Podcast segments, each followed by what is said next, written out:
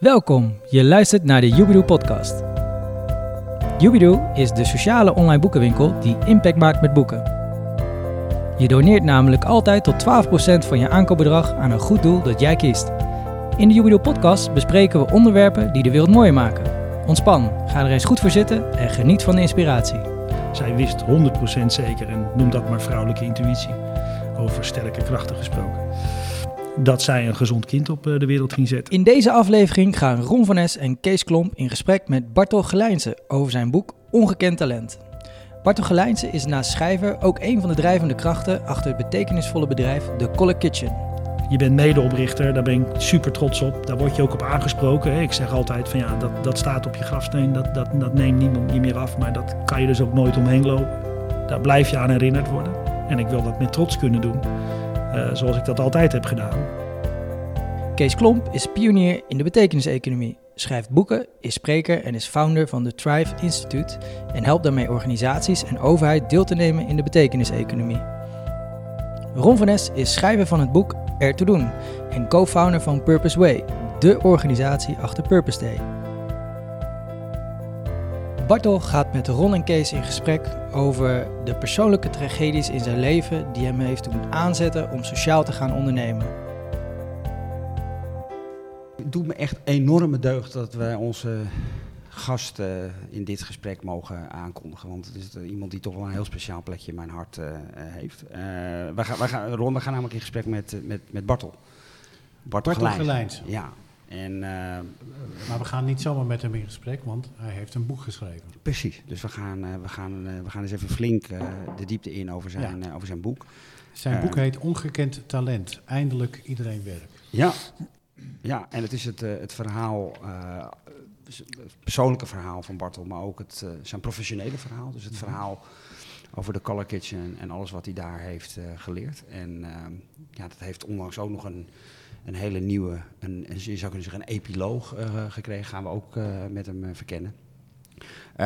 maar het is bovenal iemand die een heel speciaal plekje in mijn hart heeft. Dus ik vind, het, ik vind het fijn dat hij er is en dat we met elkaar in gesprek Dankjewel, Kees. Hey, wat heb je een, wat heb je een, wat heb je een, een, een mooi, eerlijk, leerzaam boek geschreven, jongen? Dankjewel. Was het, was het bevalling?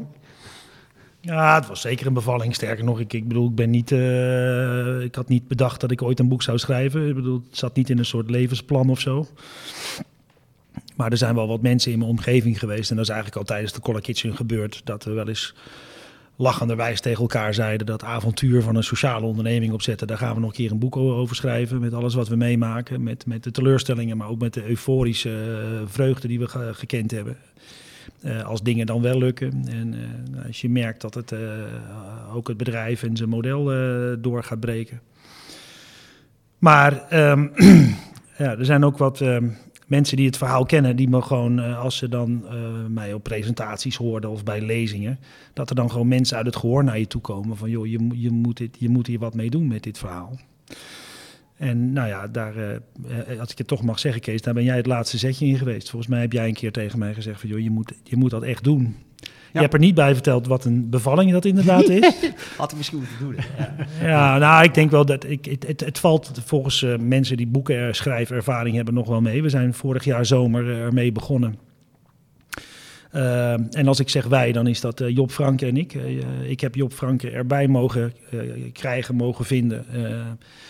Uh, om, omdat er dus inderdaad ook een heel persoonlijk verhaal in het boek staat. En uh, ik zou niet weten of ik daar ooit een einde aan zou hebben kunnen maken. Uh, dat is één. En twee, of je jezelf wel echt kunt beschrijven. en vooral als het gaat om niet wat je gedaan hebt, want dat vind ik allemaal prachtig, maar hoe dingen uitgewerkt hebben.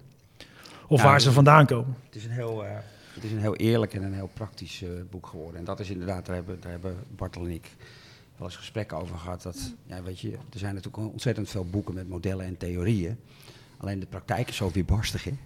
het gaat eigenlijk nooit als volgens uh, de theorie. En, en juist die praktijk is zo ontzettend leerzaam omdat daar de dingen in, uh, in, in zitten die, in, die echt gebeuren bij een, uh, een bedrijf. Dus ik, ik, ben ontzettend, ik ben ontzettend blij dat je hebt geluisterd naar al die mensen en het boek hebt geschreven. Want ik denk dat we er veel van kunnen leren.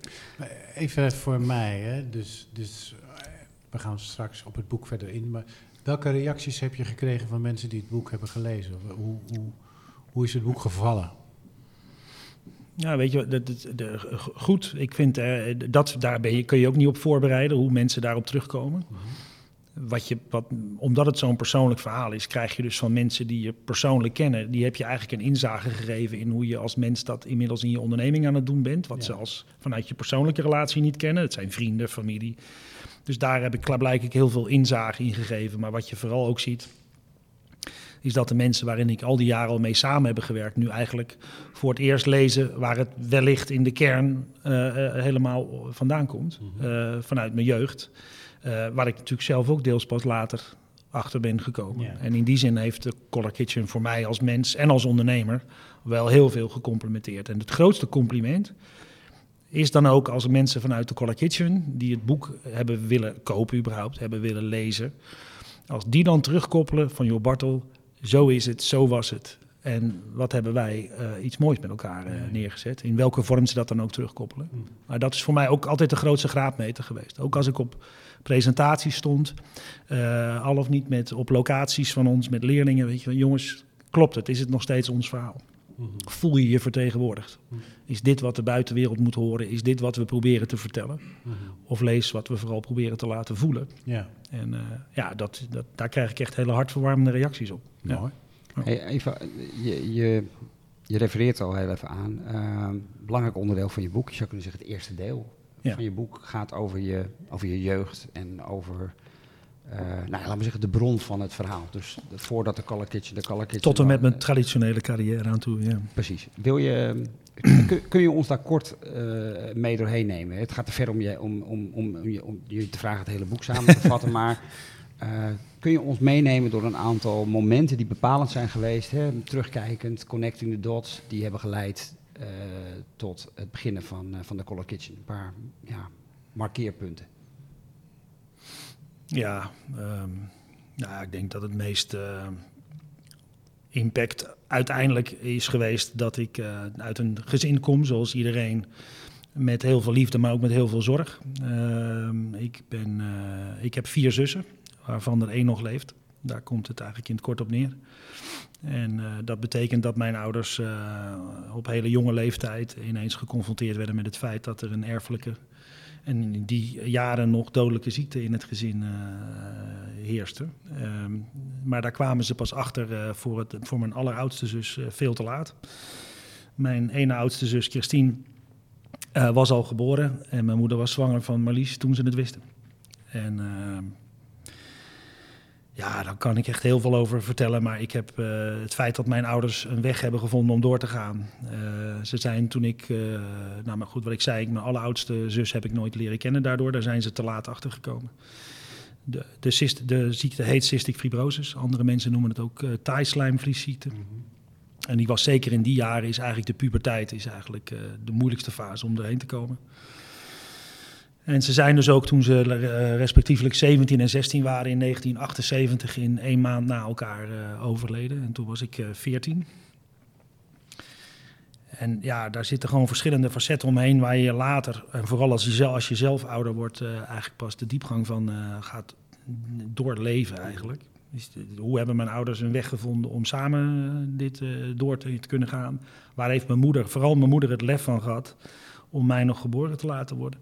Waarbij mijn jongste zusje, vier jaar eh, jonger, een, een hele prettige verrassing achteraf nog eh, bleek te zijn. Maar mijn moeder heeft mij echt heel graag nog en heel bewust ook gewild en gedurfd. Zij wist 100% zeker, en noem dat maar vrouwelijke intuïtie, over sterke krachten gesproken, dat zij een gezond kind op eh, de wereld ging zetten. Wat achteraf ook zo bleek te zijn. Ehm, ik heb ervan mogen leren wat, ehm, ja, wat, wat je als gezin eh, bij elkaar houdt. Ehm, hoe belangrijk het is om de momenten die je met elkaar hebt, ehm, om te vieren. Dat heb ik ook van mijn ouders mogen leren. Ik zal nooit vergeten dat mijn moeder eh, op een kerstavond na dit alles, eh, toen was Audrey, mijn vrouw, er inmiddels al een keer tegen ons zei van jongens, ondanks alles zijn papa en ik gelukkig. En dan hoeft ze niks uit te leggen. Ehm, dus dat er, ondanks hoe zwart het ook is, reden, dat je redenen moet zoeken om door te gaan. En dat er ook een verlengstuk aan zit. Waar je ook weer vreugde en geluk uit kunt halen. Dat zijn wel lessen die ik achteraf gezien, ja, door wat we hebben moeten, mogen meemaken, ehm, mogen in de zin van, ja, je, kunt er, je mag er dan klaarblijkelijk ook van leren. Maar ja, dat is wel wat we eruit gehaald hebben. Ja, is misschien, misschien is dat wel de essentie, hè? moeten en mogen. Als je dat, als je dat in één situatie kunt Ja. zien. Ik denk dat het een belediging voor mijn zussen zou zijn als we er niet iets mee gedaan hadden, niet iets van geleerd hebben. Waar je in het begin natuurlijk helemaal niet voor open staat. Je wenst dit helemaal niemand toe. Laat dat volstrekt helder zijn. Ik hoop ook dat niemand op deze manier dit soort levenslessen eh, hoeft te leren. Maar dat kun je ook voor elkaar doen. Dat heeft te maken met dat je het dan ook moet willen delen. Nou ja, dat betekent dat je het moet leren bespreekbaar te maken, waar je dat in het begin zelf niet kunt. Anderen ook niet weten hoe ze je daarover moeten benaderen. Want ja, probeer het maar eens in te beelden. Als je ouder bent en je bent drie kinderen kwijt. Dat kun je, ja, daar kun je gewoon helemaal niks bij voorstellen. Toch? Nee, dat maakt eh, Ja. diep neder. Ja, dus ik denk als je zegt van ja, wat, wat staat er in mijn persoonlijk verhaal, dan staat dat erin. Daarna staat er ook het verhaal in van een jonge kerel die, doordat dat gebeurt in dit gezin, ehm, zijn ouders in, in een wanhoop heeft aan mogen treffen. Die, die, ja, die, die kent de diepte gewoon niet. Ehm, ik beschrijf in mijn boek ook hoe dat is als je dan van school geroepen wordt omdat er thuis iets gebeurd is. En dat was in dit geval het overlijden van nog eens een keer Marlies, een maand nadat je Christine net begraven hebt ja, hoe ik toen thuis kwam, de wanhoop bij mijn moeder, eh, die aan tafel zat eh, en alleen maar kon huilen en roepen en gillen. Ik geloof dat ik uren aan die tafel heb gezeten. En ehm, goh, ik heb het eigenlijk nog nooit zo verteld, eh, zoals ik het nu vertel. Behalve in het interview voor het boek. Maar ik voel het weer een beetje als je het niet erg vindt. Ehm, dan zie ik mijn moeder eigenlijk zitten. Nou, wat er dan kan gebeuren is dat je als jongen van 14, je maakt zoveel pijn en ellende mee bij de, mensen die je eigenlijk het meest lief hebt, je ouders. Eh, dat ik mijzelf inderdaad eh, een soort verplichtingen vanaf dat moment heb opgelegd. Eh, iets wat ik bij veel collega's sociale ondernemers aantref. Ik heb het laatst nog met Raymond Geurts erover gehad, die bijvoorbeeld heel erg bijna dodelijk ziek is geweest in zijn jeugd. En de wanhoop en zorg bij zijn ouders heeft gezien. En dat we ieder los van elkaar een soort afspraak met onszelf hebben gemaakt. Wat er ook gebeurt, ik zal mijn ouders nooit meer laten huilen. En dat verklaart ook, en dat is dan de brug naar mijn weg naar ondernemerschap, waar ik mijn zelfstandigheid en het ontzien ook van mensen eh, vandaan heb gehaald. Ehm, omdat ik eh, het zelf al ging regelen en pas terugkoppel of met vragen kom als ik eigenlijk zelf het antwoord al heb. En dat, eh, dat is een belangrijke leidraad in, in de rest van mijn leven geweest. En nou, zo heb ik geprobeerd, ook voor de lezer, om nou, dingen die er in je, in je jeugd gebeuren, eh, hoe die kunnen doorwerken in, in, in de rest van je levenspad, zeg maar. Dus dit zijn even twee voorbeelden van en nou ja, de, de tragiek, voelt, zeg maar. je, je, voelt, je voelt ook echt dat dit de, ja, de bron is, hè? Ja, ja, want ik, ik, dat- is, nou ja, mensen zeggen dan wel eens, ik vond het natuurlijk allemaal heel abstract, een boek schrijven en je ziet helemaal niks. Je bent alleen maar bezig met tekst en A4'tjes en, eh, hè, en nu ligt er ineens een kaft omheen en is, is het het boek, maar dat terzijde. Je hebt, ehm, mensen zeggen dan wel eens, hè, je, je schrijft het van je af of je doorleeft het opnieuw als je schrijft. En dat is letterlijk wat er gebeurd is. Dus ik heb met Job eh, hele intensieve sessies gehad. Ik geloof dat hij 24 uur aan gesproken tekst eh, alleen al heeft. En, en, en daar zijn, zeker voor dit deel van het boek, en dat wilde hij ook per se eerst doen. Ja, dat zijn ook hele emotionele sessies geweest. En, eh, ja. Als ik je verhaal hoor, dan, dan hoor ik natuurlijk eh, ehm, je familiegeschiedenis, Ja. alles wat daar gebeurt. Ik hoor ook kracht die je Mhm. daaruit ontleent. Ik hoor ook, en misschien versta ik dat niet goed, maar dat er ook een zekere eh, zelfstandigheid en aan de andere kant van zelfstandigheid eenzaamheid is. Nee, niet eenzaamheid. Nee, wat ik ervan heb mogen leren, eh, en dat is mede door de Collar Kitchen. Dat is een organisatie waar we heel erg op, eh, op voelen en doorleven elkaar hebben leren aansturen en, en begrijpen. Is ik, ik, ik heb die zelfstandigheid in een soort rotsfunctie vertaald. Eh, binnen de kringen waar ik, die ik lief heb en waar ik geen zorgen naar wil overbrengen. En dat deed ik dus ook in mijn gezin. Dat deed ik dus ook in mijn relatie naar Audrey. Daar wordt soms ook wel om gevraagd, laten we eerlijk zijn. Maar bij mij was dat mijn automatische succesgedrag. Ik kom met de oplossing. Ja. En als ik zorgen heb, dan kom, ik, dan kom ik daarmee als ik eigenlijk de oplossing al heb. Ja. Dus dat is niet eenzaam. Ik, ik, ik wist niet beter. Ik heb me dat gewoon als, op een hele jonge leeftijd opgelegd. Ik verbaas me erover hoe duurzaam dat kan doorwerken. Ehm, want ik ben tegelijkertijd voor iedereen zoals ze me kennen, eh, zonder deze bewustwording altijd wel heel erg een mensenmens geweest. Maar was nooit zo open over wat me diep van binnen uh, misschien bezig hield. Of waar ik zorgen over had. Want dat, ja, dat was ik gewend om zelf eerst mee te dealen. Mm -hmm. nou, wat, ik, wat, ik, wat ik ook zo mooi vind, um, en misschien is dat even een, een, een, een, tweede verhaal wat je met ons kunt, uh, kunt delen, is dat je, je bent natuurlijk, um, zoals zoveel, ja. um, in eerste instantie terechtgekomen in de conventionele businesswereld. Zeker, hè, waarin zeker. het gewoon ging over rendement en winsten, et Ja. cetera. En ehm, ik denk dat het mede door die, door die bron in je, Mhm. die je misschien toen nog niet herkende, maar uiteindelijk natuurlijk wel naar boven is gekomen, dat dat, dat, dat, dat, dat niet werkt. Hè? Dat je op een gegeven moment eh, met jezelf in de, in de knel eh, kwam, omdat je dacht van ja, dit, is, dit, dit kan toch niet de bedoeling zijn. Eh, kun, je, kun je ons iets meer vertellen over eh, wat er toen gebeurd is, wat je in je boek prachtig hebt eh, omschreven en eh, dat, je, dat je eigenlijk tot de conclusie kwam dat je met Color Kitchen moest gaan beginnen. Hè? Zonder dat dat, eh, dat, er, dat dat bedrijf er al was, maar wel dat je voelde, ja, ik moet iets anders gaan, eh, gaan doen. Dat is natuurlijk een zeer bepalend tweede moment geweest in je leven. Ja, dat triggermoment bedoel Ja, je? Dat ik, ja, Ja. ja. Nou ja, ik- kijk, ik ben net zoals iedereen, denk ik, eh, in ieder geval van mijn generaties, eh, opgevoed zonder beter te weten dat, eh, dat je een succesvolle carrière moest hebben. En dat daar hoorden uiterlijkheden bij, als een, als een huis en een auto, het liefst twee auto's voor de deur, denk ik. Je gaat in ieder geval één of twee keer per jaar op vakantie, et cetera, et cetera. Ehm, maar zo ging ook iedereen vertaalde alles, denk ik, naar, naar welvaart en, en, en naar- dat soort beginselen. Ehm, ik heb natuurlijk ook de opkomst van het begrip MVO gezien in het bedrijfsleven. Ik heb voor meerdere grote corporates gewerkt, vooral in commerciële functies, maar wel in mijn vak, hè, van de wereld van eten en drinken en gastvrijheid. Ehm, en ik weet nog dat ehm, toen ik in 2008 eh, commercieel directeur was voor Avenans, een groot cateringbedrijf toen. Eh, ja, en wij waren een bedrijf met honderden medewerkers. En MVO was bij ons, zoals denk ik 9 van de 10 bedrijven, een afdeling, een functionaris, een beleidsplan. Maar als iemand daarnaar vroeg, dan moest je in ons geval bij Els zijn. Want Els wist wat erin stond. Want die had het ook geschreven. Eh, Je nee, kon vinkjes geven. en ja, u vraagt het nu aan ons, maar wij doen commercie. Nee, of u vraagt het aan ons, maar wij zijn van de operatie. Oftewel, en nogmaals, ik denk dat dat echt voor 9 van de 10 bedrijven... Ik weet eigenlijk zeker dat het voor 9 van de 10 bedrijven gold. Eh, want ik sprak ook allemaal klanten natuurlijk, die er zo mee omgingen. En dan vinkten we af of we aan eh, dubbelzijdig kopiëren deden... en of we een wagenpark hadden wat richting A-label ging... en of we op tijd het licht uitdeden. Er waren allemaal vinkjes van bullets. En volgens mij was dat een beetje de status van ons zogenaamd maatschappelijk verantwoord ondernemen... of wat ik eigenlijk afgekocht eh, maatschappelijk verantwoord ondernemen inmiddels noem. Eh, en hoe ben ik daar nou achter gekomen? Hoe, zijn, hoe ben ik me daar nou van bewust mogen worden? Want ik wist dus ook niet beter dan dat dit het was. Laten we eerlijk zijn, je kunt het wel iemand verwijten of mij verwijten, maar ja, als je geen alternatief kent. Dat was dat we tijdens, het, eh, tijdens een aanbesteding van het Sophia Kinderziekenhuis.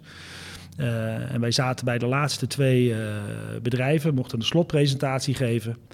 En eh, nou, ik voelde al tijdens de slotpresentatie dat het goed ging. Ik denk, oh jee, dit kan hem wel eens worden. Daar ben je commercieel voor of niet. En eh, we hoeven nog maar één sheet te doen. Dat was de ene laatste sheet. Dat was eh, nou, drie keer raden. Maatschappelijk verantwoord ondernemen. Dus Arno, een van mijn salesmanagers, ging daar de bekende bullets die ik net noem presenteren. En ineens werd hij onderbroken en komt de voorzitter van de raad van bestuur naar voren leunen. Want die zat in de commissie van zes tegenover ons. En die zegt, goh meneer Gudde, vindt u het goed dat ik u even onderbreek, want u komt nu een beetje op mijn terrein. Nou, toen kreeg ik al wat jeuk. dat had ik eigenlijk echt nog nooit meegemaakt, weet je nog? Want dat waren afdelingen of functionarissen en iedereen wees ver weg. Maar een CEO die dat naar zichzelf toetrok, ik denk, jeetje, wat gaat hier gebeuren? Maar goed, hij zei, weet u, want we hebben eigenlijk maar twee vragen voor u als het gaat om MVO. En dat is, ja, waar bent u nou eigenlijk zelf bij betrokken of mee bezig? En waar bent u nou gewoon trots op als het erom gaat waar uw bedrijf aan helpt bijdragen of helpt mogelijk maken? Ik kan niet de stilte zo lang laten vallen als dat toen viel, maar ja, die was dodelijk, dodelijk in zo'n setting. We wisten niet wat we hoorden. En los daarvan, als Arno iets niet wist, nou ja, dat, dat, dan, dan kijkt hij ook nog paniekerig. Dat weet ik nog wel van zijn beoordelingsgesprekken. En, en die kijkt met dat paniekerige gezicht naar mij van, eh, help, weet je wel. En ik ben natuurlijk, ja, je, bent, je weet dat die stiltes dodelijk zijn. Dus ik ben, en dan is de cirkel rond. Ik ben daar wat gaan vertellen over dat we iets met Earth Water deden. Ken je dat project nog? Ja. En dan koop je Ja. duurder water in, Ja. want dat komt als het goed is wel goed dan bij de bron in Ethiopië of wat dan ook. Die we dan daarvan bouwen. Maar het is natuurlijk zo abstract en afstandelijk als wat. En toen kwam de dodelijkste vraag die ik gehad heb. Dus die staat bij jullie op alle locaties? Onder de locaties, hè? Nee, dat is waar de opdrachtgever dat wil. Lees, wil betalen. Ja. Wat doen wij? Helemaal niks dus. Ja, die was dodelijk. We hebben het contract ook uiteindelijk niet kunnen tekenen. Ja, dat is wel mijn... Dat is het moment geweest dat ik dacht... Bedoel, dat komt dus uit mijn zakelijke, uit mijn commerciële achtergrond. Van, joh, er gebeurt hier iets. Dat klopt niet. We hebben het antwoord niet. Maar ik voelde wel dat, het, dat we antwoord daarop moesten gaan, kunnen gaan geven. Want dit was gewoon een van die ondernemingen, in dit geval instantie... eh, die al bezig was met de vraag van morgen. En, en MVO niet naar het verstand legde of naar de organisatie, maar naar, het, naar je ziel, zowel als mens als van je organisatie. Wat is jullie dagelijks doen en handelen? En in hoeverre ben je je bewust van wat we dan nu hè, je impact eh, noemen? Mhm. Ja, dat is wat hij bij mij eigenlijk gedaan heeft. Hans Buller. Ja, ik heb hem uiteindelijk nog gevonden. Ja. Dus eh, er hangt nog een foto van hem aan de muur. Nou, nee, ik heb heel veel foto's, want ik heb hem het eerste boek eh uitgereikt. Ah. ik ben hem gaan, eh, ik ben hem gaan opzoeken. Ja. Oh, is heel wauw. bijzonder. Ik ben hem, eh, hij doet inmiddels heel, is ook weer mooi hè. Dan heb ik hem uiteindelijk gevonden, een paar weken voor de uitreiking. En ik had tegen uitgever en iedereen gezegd, dat, dat moet hem worden. Hij weet niet wat hij teweeg gebracht heeft. Nou, ik ben hem echt gaan stalken, ik ben hem gaan vinden, maar hij reageerde eerst niet. En wat bleek, hij heeft inmiddels een stichting opgericht. Die heet Fair Medicine. Om gewoon die on, niet transparante, ondoorzichtige eh, prijsvorming Mhm. en medicijnbeschikbaarheid eh, die de pharma, door de farma-industrie, om dat open te breken. Oké. Nou ja, dan zie je dus, hè, dus. Ik heb hem op die manier ontmoet. Hij heeft, zonder dat hij dat weet, maar dat zal ik zo vertellen, mij op het pad van de Color Kitchen daardoor gezet. Qua openstaan voor. Dat is wat was jouw vraag. Dit was mijn triggermoment. En geen bliksemschicht, hè. Het is niet ineens dat de wereld anders is, maar dat heeft hij wel. Hij heeft mij aan het denken gezet. En toen ik hem ontmoette, wist hij dat al niet meer. En ondertussen is hij ook een pad gaan bewandelen vanuit zijn business. En had hij jouw hulp Wat niet klopte. En om uiteindelijk aan mij te vragen, joh, we willen dat naar een sociale onderneming brengen, want we zijn nu nog een stichting en we houden zeg maar onze hand op. Hè. Even het alternatief Mhm. van een onderneming is linksom of rechtsom je hand ophouden. Eh, we willen dat naar, naar eigen continuïteit brengen. Het moet naar een onderneming. Kun jij ons helpen met die sociale ondernemingsvorm? Nou ja, dat- zo komt het dan bij elkaar. Grappig. Mooi, hè? Mooi. Ja. Ja. Hey, Color Kitchen. Yep. Vertel eens, hoe is dat, hoe is dat ooit eh, begonnen? Hoe is het op je pad eh, gekomen? Ik, eh, toen ik bij de Color Kitchen kwam, was er één restaurant. eh, in Amsterdam-West. Aan de Jan Evertse straat, buiten de ring. Prachtige plek om een commercieel bedrijf te beginnen. Wat op uitgaan gebaseerd is, niet dus. Dus dat stond daar om een bijzondere reden. En dat had alles te maken met de missie die het restaurant omarmd had. Wat eigenlijk eh, bedacht was voor het restaurant om in afstandswijken of probleemwijken of vogelaarwijken of krachtwijken of hoe we het ook weer allemaal met elkaar genoemd hebben. Eh, te werken aan echte integratie. En daar was een idee ontstaan van joh, hoe beter dan in de wereld van eten en drinken, waar je eet van verschillende culturen, waar je verzorgd wordt door verschillende culturen en waar je eet met verschillende culturen. Oftewel aan tafel. Nou, prachtig idee. Ehm, eh, moeilijk verdienmodel, maar dat had deels ook met de ligging te maken. En ehm, omdat er eh, problemen waren met het verdienmodel, oftewel er werd geen geld verdiend, heeft een van de twee founders van het restaurant mij gebeld. Letterlijk. Van joh, kun je een keer komen, want eh, wij kenden elkaar al vanuit andere activiteiten. En dat was Frits. En ik ben gekomen, ik heb Frits aangehoord, ik heb hem gesproken. Dat ging heel erg over het restaurant. Maar er zat ook een hele schizofrene situatie in, want weliswaar liep het exploitatiewinst eh, helaas in verlies. Maar tegelijkertijd eh, waren er al toezeggingen dat als er een tweede restaurant waar sprake van was, notabene, en nog niet meer dan dat, in, in Zuilen in, in Utrecht, dat dat geopend zou worden door Maxima. Dus ja, dan ben je ondernemer of niet, maar dan weet je dat je hebt enerzijds goud in handen, want wie krijgt er nou Maxima voor de opening van zijn restaurant? En anderzijds klopt het model niet. Ehm, maar ja, toen ik daar binnenkwam, ja, ik werd echt, ja, toen kwam ik, kreeg ik eigenlijk het antwoord op die twee vragen die ons de, door Hans Buller gesteld werden. Ik dacht meteen, ja, maar dit, hier kan ik aan bijdragen. Want ik heb iets met mensen en ik, en, en, en, en, en ik weet zeker dat dit het antwoord is wat je als bedrijf kunt doen. Maar ik wist ook zeker door mijn ervaring inmiddels in de bedrijfskatering dat, dat dit het antwoord was wat veel bedrijven dan kunnen geven door, door diezelfde Kitchen binnen hun bedrijf zeg maar, naar binnen te halen via hun bedrijfsrestaurant. En zo is het gesprek verder gegaan van joh, is dit niet iets om naar het bedrijfsrestaurant, uh, bedrijfskatering te brengen. Ik heb mijn verhaal daar verteld, onder andere wat bij het Sofia net nog toen nog binnen een jaar gebeurd was. Ik heb gezegd van joh, daar wil ik heel graag bij helpen. Uh, en als dat de vraag wordt, dan, dan kom ik niet alleen helpen, dan, dan wil ik ook als ondernemer aan boord. Dan ga ik me er ook volledig aan committeren. En zo is het eigenlijk begonnen.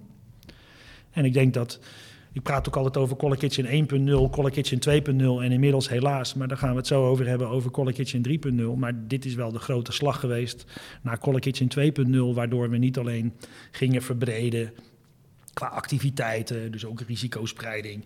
Dat we niet ook de, de missie nog eens een keer hebben aangescherpt. We zijn eigenlijk van integratie naar reïntegratie gegaan, waardoor onder andere eh, Joske Pauwme, die vooral het maatschappelijke deel heeft uitgebouwd, onze programma's ook heeft kunnen doorontwikkelen.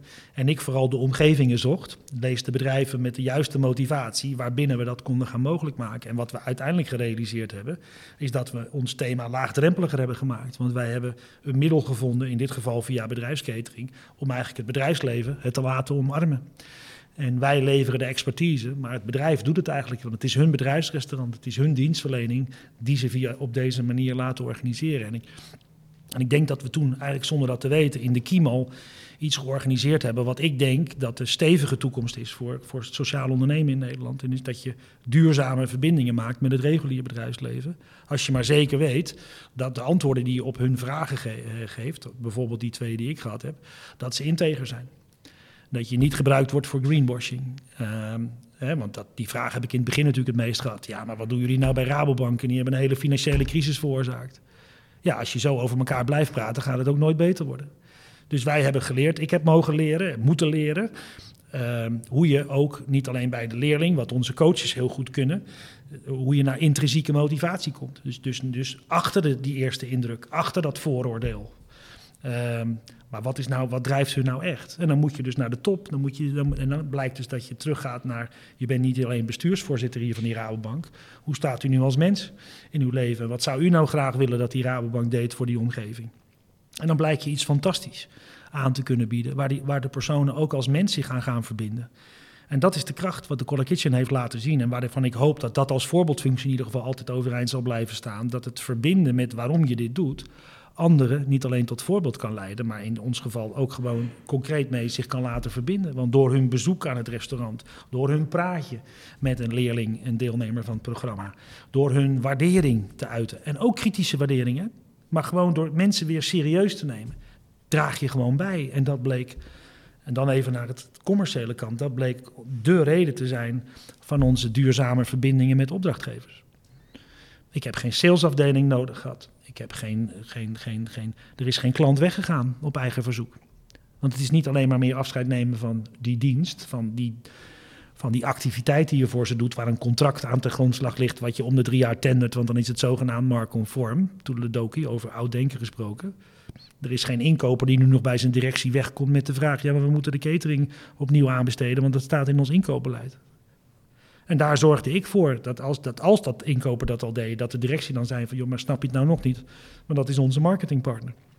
Zij etaleren, of onze MVO-partner, zij etaleren waar wij niet alleen voor willen staan, maar waar wij proactief voor willen staan. Je hoeft ons die twee vragen niet meer te stellen. Kom maar op bezoek. Kom dat hypotheekgesprek maar bij Rabobank voeren in Breda of in Alkmaar of in, in Schiphol. En, je, en drie keer raden wie de koffie serveert. Ja, daar heb ik zo van genoten dat ik dat bij elkaar heb mogen brengen. En dat dat de basis werd voor niet de Color Kitchen doet iets, maar we doen dat samen. en dat ga ik straks ook open eerlijk vertellen wat ik nu van, van de epiloog, van het, van, na het faillissement van de Color Kitchen leer. En door de doorstart die ik godzijdank eh, mag organiseren. Dat komt doordat iedereen zegt van ja, maar dit is van ons. Dit gaan we niet laten gebeuren. En dat ik, ja, dat, dat, dat is. En daar, daarom geloof ik ook dat ik, en daar ben ik natuurlijk ook stond eigenwijs in, jullie kennen me. Maar dat is wel mijn tien jaar ervaring van hoe je met sociaal ondernemen moet omgaan. Je moet het niet voor jezelf houden. Je moet het delen met anderen. Je moet zorgen dat die verbindingen ontstaan en dat er in we-termen gesproken wordt. We hebben best wel een complexe methodiek. Hè? We kunnen het heel ingewikkeld maken met onze fasering en ons programma. En er zijn natuurlijk partijen die precies willen weten wat dan het geheim van de Color Kitchen is. Maar de essentie is veel belangrijker. Het heeft met oprechte aandacht te maken. Het heeft met nederig willen zijn te maken. Het heeft met gelijkwaardigheid in alles willen uitstralen te maken, om maar voor, voorbeelden te noemen. Maar misschien is het belangrijkste wel, wat ik gewoon in de praktijk heb geleerd, en zo is het boek een beetje geschreven. Het is niet een van tevoren bedacht plan. Het is alleen doordat je het samen met mensen doet en goed luistert en veel aandacht geeft, dat iedereen ook zijn bijdrage heeft kunnen leveren. En als je dat nou weet te benadrukken, gedurende je hele reis, wat iemand heeft bijgedragen. Ik weet van elke opdrachtgever nog wat zijn intrinsieke motivatie was om mee te doen. En de kunst was alleen maar, als ik dan bij de introductie van nieuwe managers en nieuwe chefs, die dus ook praktijkbegeleiders zijn van mensen met een afstand tot de arbeidsmarkt, in die echte omgeving, die aan het eind van zo'n introductiedag helemaal vol zaten natuurlijk met van wow, moet ik dat straks allemaal kunnen, ken je dat? En dan kwam de directie, kwam ik vaak langs aan het eind om het even terug te brengen naar de essentie. Van jongens, jullie lopen straks in je restaurant en dan komen er mensen bij je lunchen. En ga nou luisteren. Gaan ze dan naar het restaurant of naar hun restaurant? Of toko of kantine of wat dan ook. Dat zelfstandig naamwoord is niet belangrijk. Dat bezittelijk voornaamwoord is belangrijk. En wat is nou bij ons nog meer belangrijk? Hebben ze het over die leerlingen, en dan wijs ik naar buiten. Hebben ze het over de leerlingen, dus is het nog neutraal, maar het is er wel. Of gaan ze over hun leerlingen praten? En dan maak je het compassiegebaar, toch? En dat blijkt het te zijn. En laat dat nou precies de reden zijn wat die directie dus tegen zijn inkoper zegt van ja, maar daar gaan we geen afscheid van nemen. Want dan zijn, dan, dan zijn zij ook weg. Uh, nou, ik mag nog niet naar 3.0, naar, naar het faillissement. Maar dat is dus wat ik nu ook terugkrijg. De zorg van de opdrachtgevers rond dit faillissement zat niet in de dienstverlening. Alhoewel dat ook meteen speelt. He, want de Color Kitchen as it was houdt ook echt aanstaande vrijdag op. Maar ze komen allemaal terug. Er lopen leerlingen bij ons. Dat gaat niet gebeuren. onze leerlingen. Ja. Precies, dat zijn onze leerlingen. Dat is toch prachtig? Yep. Dat is... Pijnlijk het ook is. Ja, dat zeg ik. Het is pijnlijk. Het is, het is, het is, ja, het is het is, het is, het is, het is een drama. Uh, laten, we, laten we het, dan hebben we het maar meteen ook gehad, het okay. verhaal. Laten we even het, uh, wat wat we, niet in het boek staat. Nee, precies. De epiloog. Want ja. uh, je, je, hebt, je, hebt in het boek prachtig opgetekend... wat je nu eigenlijk in een, in een hele verkorte versie met ons, met ons deelt. Een, een, de delicate balans ook tussen de businesskant en de menselijke kant. Wat, mm. waar nou, College denk ik een van de schoolvoorbeelden van is, de paradepaardjes in Nederland. Maar desondanks uh, is er, is er een, is er, heeft het boek een, een, wat in eerste instantie leek een heel vervelend einde uh, te, te, krijgen, maar nu eigenlijk een, een prachtige epiloog. Misschien wel een nieuw hoofdstuk in een boek of een heel nieuw boek. Mm -hmm. neem ons er even in mee. Wat is er, wat is er allemaal gebeurd, jongen? ja, en ook, ja, ja. Die, ja, Nou ja, kijk, ik, ik, ik, stop met het boek over de Color Kitchen op het moment dat ik het heb losgelaten uh, uh, vanuit directievoering. Dus ik ben in, uh, zeg maar in het voorjaar van 2017 uitgefaseerd. En de, de Color Kitchen is toen verder gegaan onder een tweekoppige leiding. En met de bedoeling ook, en dat hadden we als aandeelhouders ook allemaal geaccordeerd, om echt een consolidatiejaar te hebben in 2017. Uh, waarbij we natuurlijk nog wel hebben gesproken, waarom doen we die consolidatie? Um, en wat is er dan aan het eind van die consolidatie? En hebben we dan ook nog een springplank om het vliegwiel weer op gang te krijgen? Wat ik als ondernemer en, en aandeelhouder natuurlijk het risico vond van kwaliteit naar binnen stoppen. Wat ik net zo belangrijk vond, maar er zit een risico aan vast. En uh, nou ja, ik heb in, uh, dat beschrijf ik ook in mijn boek, ik heb in eind 2016 eigenlijk al mijn eerste ideeën over de Color Kitchen veel meer in een academievorm uh, gepresenteerd. En waarbij ik ook hoopte dat dat het eindproduct zou zijn van die consolidatie. Dat wij onze manier van werken, maar vooral met de impactresultaten die wij hadden, waarom we zo bekend waren, dat we die konden delen met een veel bredere kring van bedrijven, zodat we veel sneller inclusiever worden dan dat we, ja, wanneer denk je dat we 100 Color Kitchens hebben neergezet, dan is dat dan de oplossing. Sterker nog, ik denk dat we het probleem weer groter maken. Uh, daar ben ik eigenlijk wel van overtuigd. Want dan gaat iedereen denken, oh, dat lost de Kitchen wel op. Terwijl de oplossing zit in van, nee, dat gaan we met elkaar oplossen. Dus um, kijk, het, heeft niet veel zin om, uh, gelet op de afstand die, die ik had, om, om mijn uh, verklaringen voor een faillissement te bespreken, want die heb ik niet. Ik merk alleen nu, nu ik weer in gesprekken ben met opdrachtgevers en met de mensen, dat, dat, dat er wel op een aantal essentiële pijlers van onze formule uh, gewoon onvoldoende aandacht is geweest, los is gelaten, verkeerde prioriteiten is gesteld. Ik weet het niet. Maar voor de rest is dat, en zo hoort het ook in Nederland, is dat, is dat nu gewoon, hè, nu de curator zijn, zijn doorstartfase heeft afgerond, ja, ja, gaat er nu pas een onderzoek plaatsvinden naar wat er in, uh, vooral in 2018 uh, eh, heeft plaatsgevonden, denk ik. Want, want daar zijn gewoon niet alleen hele negatieve resultaten na twee positieve jaren geweest, maar, maar die zijn dusdanig dramatisch slecht geweest dat er niet eens meer een redding uh, mogelijk was. Um, nou, kijk, ik, ik, ik heb nu heel veel van de Kitchen collega's weer mogen zien. Omdat we met een doorstart niet alleen bezig zijn, maar ook door de curator daar een akkoord mee hebben bereikt. Um, dat is echt vers van de pers wat ik nu vertel. Ik bedoel, dat is afgelopen, vorige week dinsdagavond is dat afgegeven. En we hebben tot en met aanstaande vrijdag, want dan stoppen de activiteiten om te kijken wat er door kan gaan. Ja, en dan spreek je mensen die door hoe dat die faillissement eigenlijk in reeks is gegaan. Het zijn eigenlijk twee faillissementen op rij geweest uh, in een hele korte tijd. Uh, voor een belangrijk deel van personeel althans. Ja, die zijn gewoon in een periode van zeven weken letterlijk twee keer ontslagen. Zijn twee keer naar het UWV en formulieren zo moeten invullen. En ondertussen wist niemand hoe verder. Uh, opdrachtgevers die het niet wisten, medewerkers die het niet wisten. En vervolgens lopen daar nog, nou, niet meer zoveel als in mijn tijd, maar, maar nog, ook nog honderd leerlingen rond. Deelnemers aan de programma's. Dus dat is alleen maar zorg. En um, ja, toen ik erachter kwam dat het, dat het niet meer te redden was en dat ook gesprekken met overnamepartners uh, mislukt waren, uh, ja, ben ik ja, ik ben eigenlijk gewoon. Ik heb, ik, ja, misschien is dat dan je ondernemersbasis, dat weet ik niet. Maar ik had één ding: dit gaat niet gebeuren. Ik weet niet in welke omvang, maar dit gaat niet gebeuren. Dat, ik zeg dat nu heel stoer, maar dat kwam nadat ik wel eerst even gewoon, gewoon in mijn gezin en, en uh, moest verwerken wat dit ging betekenen. Ik bedoel, je bent medeoprichter, daar ben ik super trots op. Daar word je ook op aangesproken. Hè. Ik zeg altijd van ja, dat, dat staat op je grafsteen, dat, dat, dat neemt niemand je meer af. Maar dat kan je dus ook nooit omheen lopen. Daar blijf je aan herinnerd worden. En ik wil dat met trots kunnen doen, uh, zoals ik dat altijd heb gedaan. Uh, en anderzijds, ja, je bent aandeelhouder. Uh, je, je, je, je pensioen, je lange termijn, waar je het ook voor doet, zit daarin. En, en dat is ineens weg. dan ontstaat er natuurlijk, en dat, dat, dat is voor mij weer anders dan voor de medewerker. Maar voor iedereen is, is ontstaat er dan zo'n zwart gat. Dus ja, dat, dat, ik zie, dat ga je thuis eerst delen. Dat, in het kader van geen rots meer zijn, maar -hmm. Je gevoelens nu bespreekbaar kunnen maken. Dat is, dat is door het boek en door wat er nu gebeurd is, is dat volledig om, kan ik je vertellen. Ja. Ik deel nu echt uh, alles met Audrey en ook mijn, ja, gewoon mijn vragen, mijn zorgen, mijn verdriet. En dat doen we nu echt al, uh, al, al ruim twee jaar. En dat heb ik met mijn zoons gedeeld. Ik vond het moeilijkste om mijn oudste zoon, die, die notabene zijn masterstudie in Milaan doet, op de thema's waar, waar jullie en ik het nu over mogen hebben. Eh, corporate social responsibility, op circulair ondernemen, op green en renewable energy en dat soort dingen. Ja, dan is Milaan ineens ver weg hoor. Dat vond ik wel een van mijn moeilijkste telefoontjes in lange tijden. -hmm.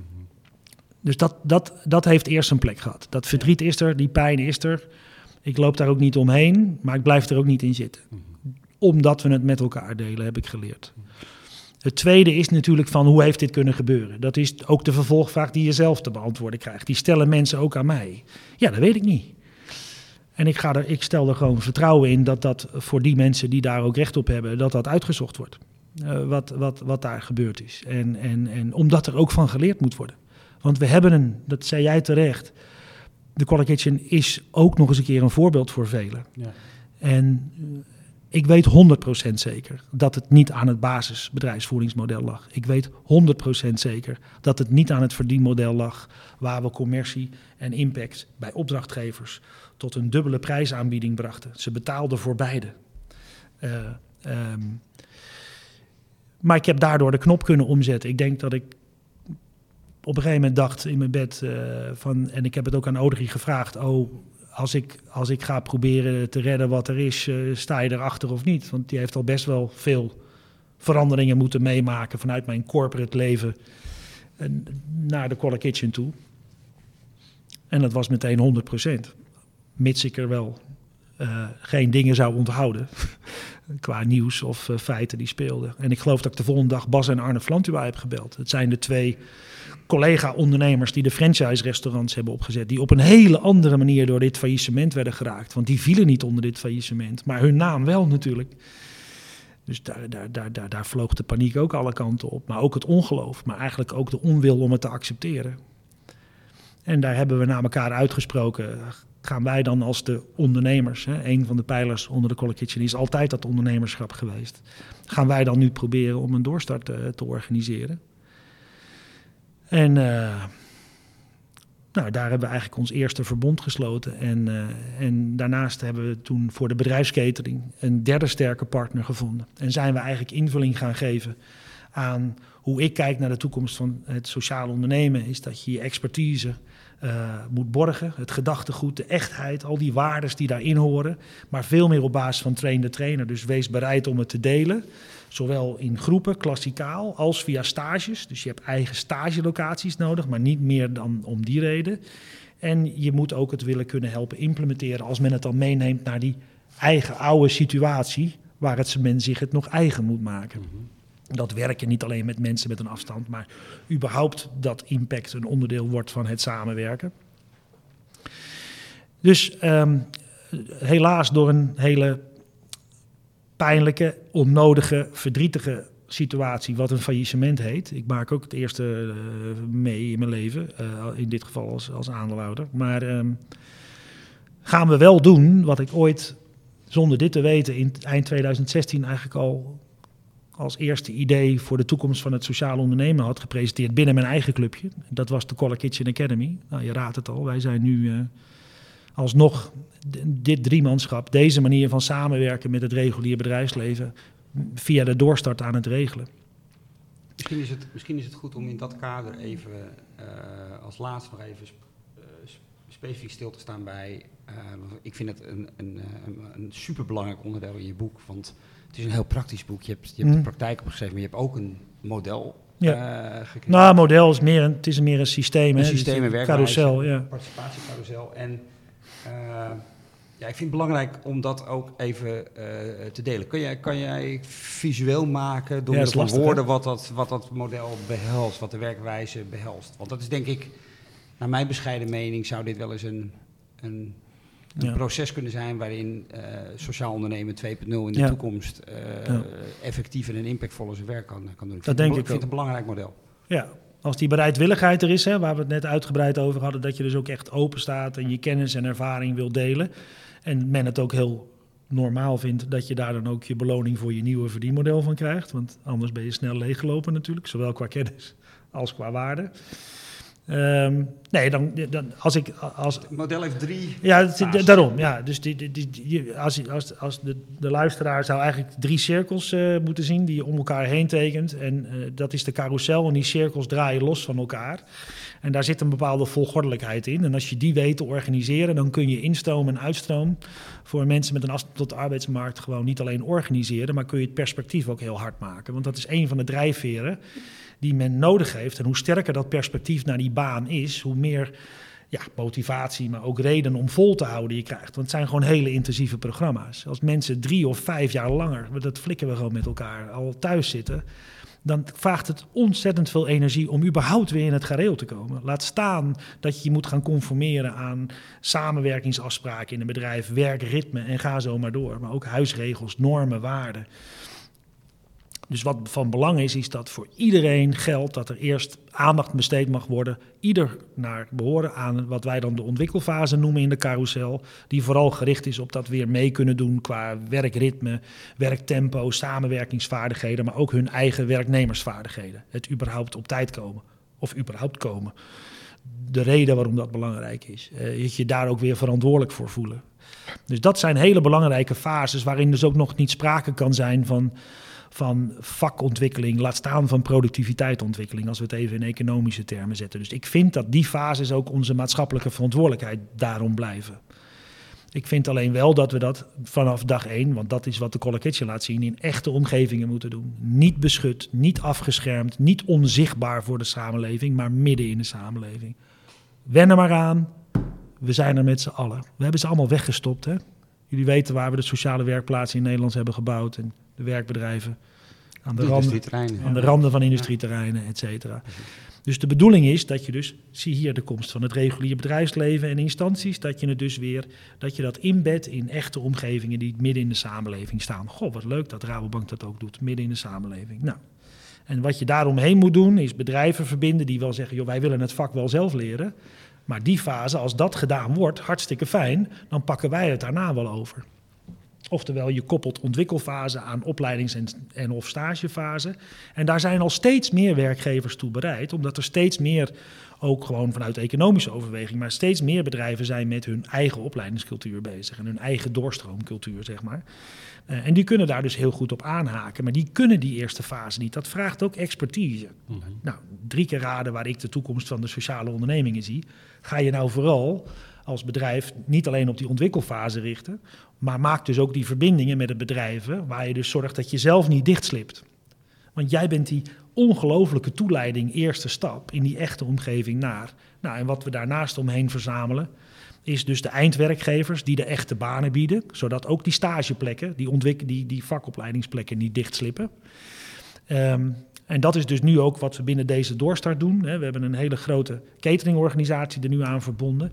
En daar zijn ook een aantal hele kritische vragen en afspraken meegemaakt. Voordat sprake kon zijn van doorstarten. En dit dat gaan wij dus bij jullie, dus een bedrijf, het formaat mag gerust ge- geroepen worden, nu, is het, nu het bekend is. Het is een bedrijf met 4000 medewerkers. Een omzet van 300 miljoen. Dus wel even een ander fundament onder dit gedachtegoed.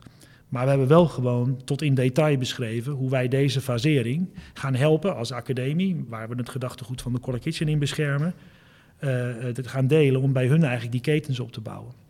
Dus die participatiecarousel die in mijn participatieacademie zit, zoals we hem nu noemen, die gaat dus bedrijven helpen om eigenlijk zelf die carousellen in te bouwen. Of regio's, zoals we dat in Zwolle doen, eh, om die verbindingen te maken tussen, de, tussen een sterk bedrijvennetwerk wat er bijvoorbeeld al is. Ja, en, het, wat, ik er, wat ik er zo interessant aan, eh, aan vind, is dat het einddoel is, is gewone banen. Gewoon, Ja, gewoon. Ja. Het zijn gewoon banen. ja. Nou ja, gewoon de e- vaste banen. eindelijk iedereen werkt, Eindelijk iedereen werkt, toch? Maar wel, Ja, op, wel, en, maar wel met een weg daar naartoe die, eh, waar iedereen zichzelf mag zijn, zichzelf mag herontdekken. Als er iets is wat de College mij ook geleerd heeft, is dat de mensen in die ontwikkelfase ook in sommige gevallen, en, en dat zijn er niet een paar, zichzelf herontdekken. En dat een talent, hè, als het fout gaat in de bouw, zeg ik altijd, dan zit je met de, in de kaartenbak in de bouw. Maar wat nou als het in de bouw fout is gegaan omdat je daar helemaal niet hoort te zitten? Of omdat je die cultuur helemaal niet aan kunt? Of wat dan ook. Nou, en dat is wat er in die ontwikkelfase gebeurt, is dat men zichzelf herontdekt. Want dat masker van ja, ik hoor dit te doen of men kijkt zo naar mij, dat gaat eraf. Ja. En zo gaan, gingen er ineens oude leerlingen voor websitebouwers eh, in dienst en noem maar op, omdat ze erachter kwamen dat dat hun eigen eh, eigenlijke talent was. Dus daarom is die fase ook heel belangrijk, dat als je het echte opleidingsinvesteringsstuk gaat doen en die eindwerkgever die niet weet wie eraan zit te komen, maar zich al garant heeft gesteld, was het wel heel fijn als we zeker weten dat het ook op het talent en plezier van de kandidaat aansluit. Dus daar geloof ik wel heel sterk in. En als je dan teruggaat naar de doorstart, hè, want ja, dit wilde ik dus voor bedrijven in zijn breedte doen. En nu mag ik het, of moet ik het eigenlijk ook weer even voor mijn eigen Color Kitchen doen. Maar gebruiken we het dus wel meteen vol gas. Zo'n formaat, zo'n Flantua, onderdeel van de afspraken is natuurlijk meteen hoeveel leerwerkplekken garanderen jullie. En wat ik het allermooiste vond, als je dus meteen met zo'n groot bedrijf gaat werken, is die kunnen dus, en dat doen ze dan op vertrouwen. Meer is er niet, hè? Na zo'n, die geven gewoon 60 garantiebanen af. Op basis van die 100 leerplekken. Ja, dat hadden wij zelf ook niet in onze propositie als Color Kitchen. Dus we gaan het ook nog eens een keer sterker maken. En als je dat vanuit het perspectief van de deelnemer bekijkt, ja, dan kan ik, ondanks alles wat er gebeurd is, ben ik, krijg ik wel weer steeds meer vertrouwen en energie eh, dat, dat er een, een, een nog sterker verhaal uitkomt. Ik hoop alleen een beetje dat, dat we op dat punt bijvoorbeeld wel iets van Amerika willen leren. Het meeste hoeven we niet te leren hoor. Maar in Amerika, heb je, als het gaat om hoe zij kijken naar, naar ondernemingen, maar ook ondernemers met een faillissement. dan, willen, dan, dan, word je, dan, dan, dan, heb Word jij je voor geleerd. vol aangezien. Maar natuurlijk, want dan heb jij geleerd wat, Ja. wat, wat, wat, anderen nog, nog moeten leren. Ja. En, en, en jij zult als geen ander voorkomen dat. Maar ik denk, ik denk oprecht Hm. dat de les die jij ehm, eh, individueel nu hebt geleerd eh, met eh, de Color Kitchen, wat een, wat een, wat een, met alles wat erbij hoort, bij het Mm. proces, et cetera. Maar ik denk echt dat er een collectieve les in zit. Want ik denk dat de, de, de boodschap achter de participatiecarousel, die in, dat inclusieve denken, Ja. dat is dat is wat, de, eh, wat sociaal ondernemen in Ja. Nederland nodig eh, Ja. heeft. Hè. Letterlijk, er moet lucht in. En, eh, dus, dus, dus wellicht eh, eh, gaan we met terugwerkende kracht eh, over een paar jaar ontdekken hoe ontzettend belangrijk het is geweest. Omdat het de Ja. volgende fase heeft. Ja, eh, het, is, het is 3.0 voor de sociale Dat denk ik onderneming, vind ik. ja. Ik, vind, eh, eh, ik geloof in awareness. Dat is de eerste fase voor een sociale onderneming. Daarna komt eh, da- da- dat het blijkt te kloppen en dat je een voorbeeldfunctie krijgt. En de derde is voor mij co-creatie. En, en waarom het zo belangrijk is, is dat op, op ons thema, hè, waar we het nu over hebben, dat er, potverdorie, 1,2 miljoen mensen niet meedoen in Nederland. Waarvan maar, slechts nog maar op dit moment 250.000 werklozen. Hè. Dus moet je nagaan wat we bedacht hebben om de rest allemaal niet mee te laten doen. Ehm, is dat het, en die heb ik dus zelf ook moeten leren, het begint dus gewoon met anders kijken. Het is dus niet gewoon dat we mensen op de bank sturen omdat ze op dit moment niet kunnen meegaan in het tempo, of omdat ze een leerachterstand hebben, of omdat ze zich niet meteen aan kunnen passen aan wat wij de norm noemen in het arbeidsethos of wat dan ook.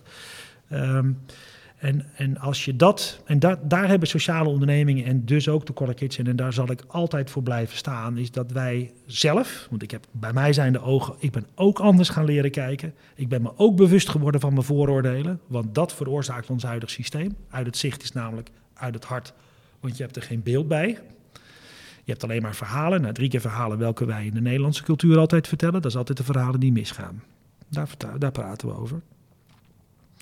Dus, dus ik geloof heel erg dat wat we met die carousel doen, doordat we het gewoon weer vanaf dag één in de echte omgeving doen, eh, eh, eh, dat dat nodig is om te beginnen met het proces van anders kijken.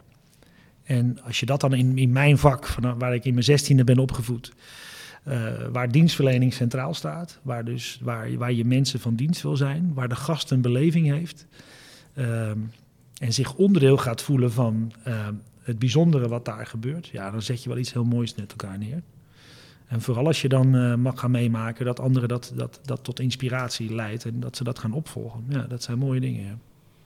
Ik wil je ontzettend bedanken voor eh, Oh. het fijne gesprek. Is de Ja. tijd om? Eh, en, Tijd is om. ja, en- en- en het uit voor een, eh, heel veel succes eh, voor het vervolg, want dat gaat er nu gewoon komen.